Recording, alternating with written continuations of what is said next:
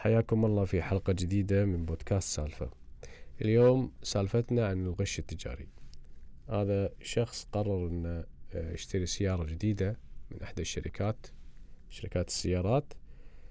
فراح له الشركة وخلص أوراقه ودفع المبلغ. يعني يقول لي مبلغ صراحة يعني يعني مبلغ يعتبر عالي شوي. فجاء وقت التسليم. بعدها بكم يوم على أساس إن السيارة أصفار يعني ما تم استخدامها.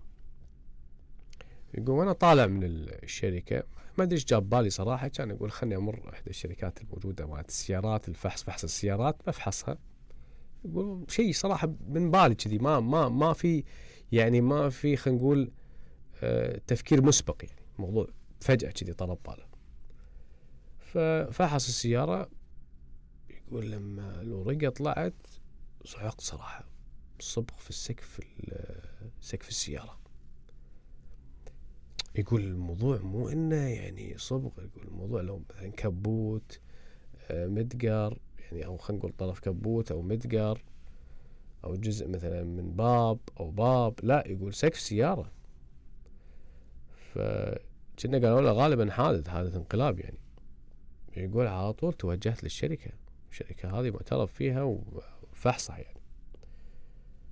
أو معروف عنها ومعترف فيها جدا. يعني معروف عنها بين الناس أن شركة آه، شغلهم يعني أو تقاريرهم عن فحص السيارات ما في نقاش يعني. فراح للشركة اللي استلم منها السيارة فتناقش وياهم. كنا بالبداية ما يعني ما أعطوا رد يعني منطقي فالظاهر رفع قضية وكنا كسب تعويض آه، منهم.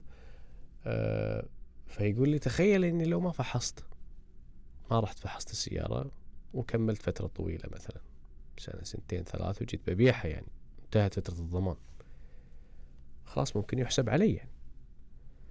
فقلت تصدق يعني صراحة كلامك جدا منطقي بس كلامك هذا يخلي الواحد ياخذ احتياطاته من قبل لا يستلم السيارة.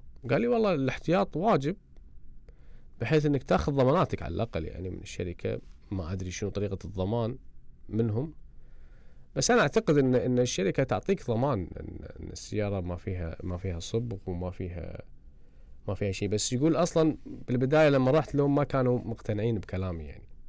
وأعتقد انه مثل ما أنا قلت لكم بالبداية انه صارت قضية وصار فيها تعويض.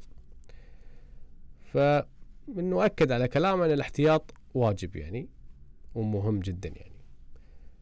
فكانت هذه حلقتنا لهالأسبوع ونلقاكم إن شاء الله في حلقة جديدة الأسبوع الجاي ومع السلامة.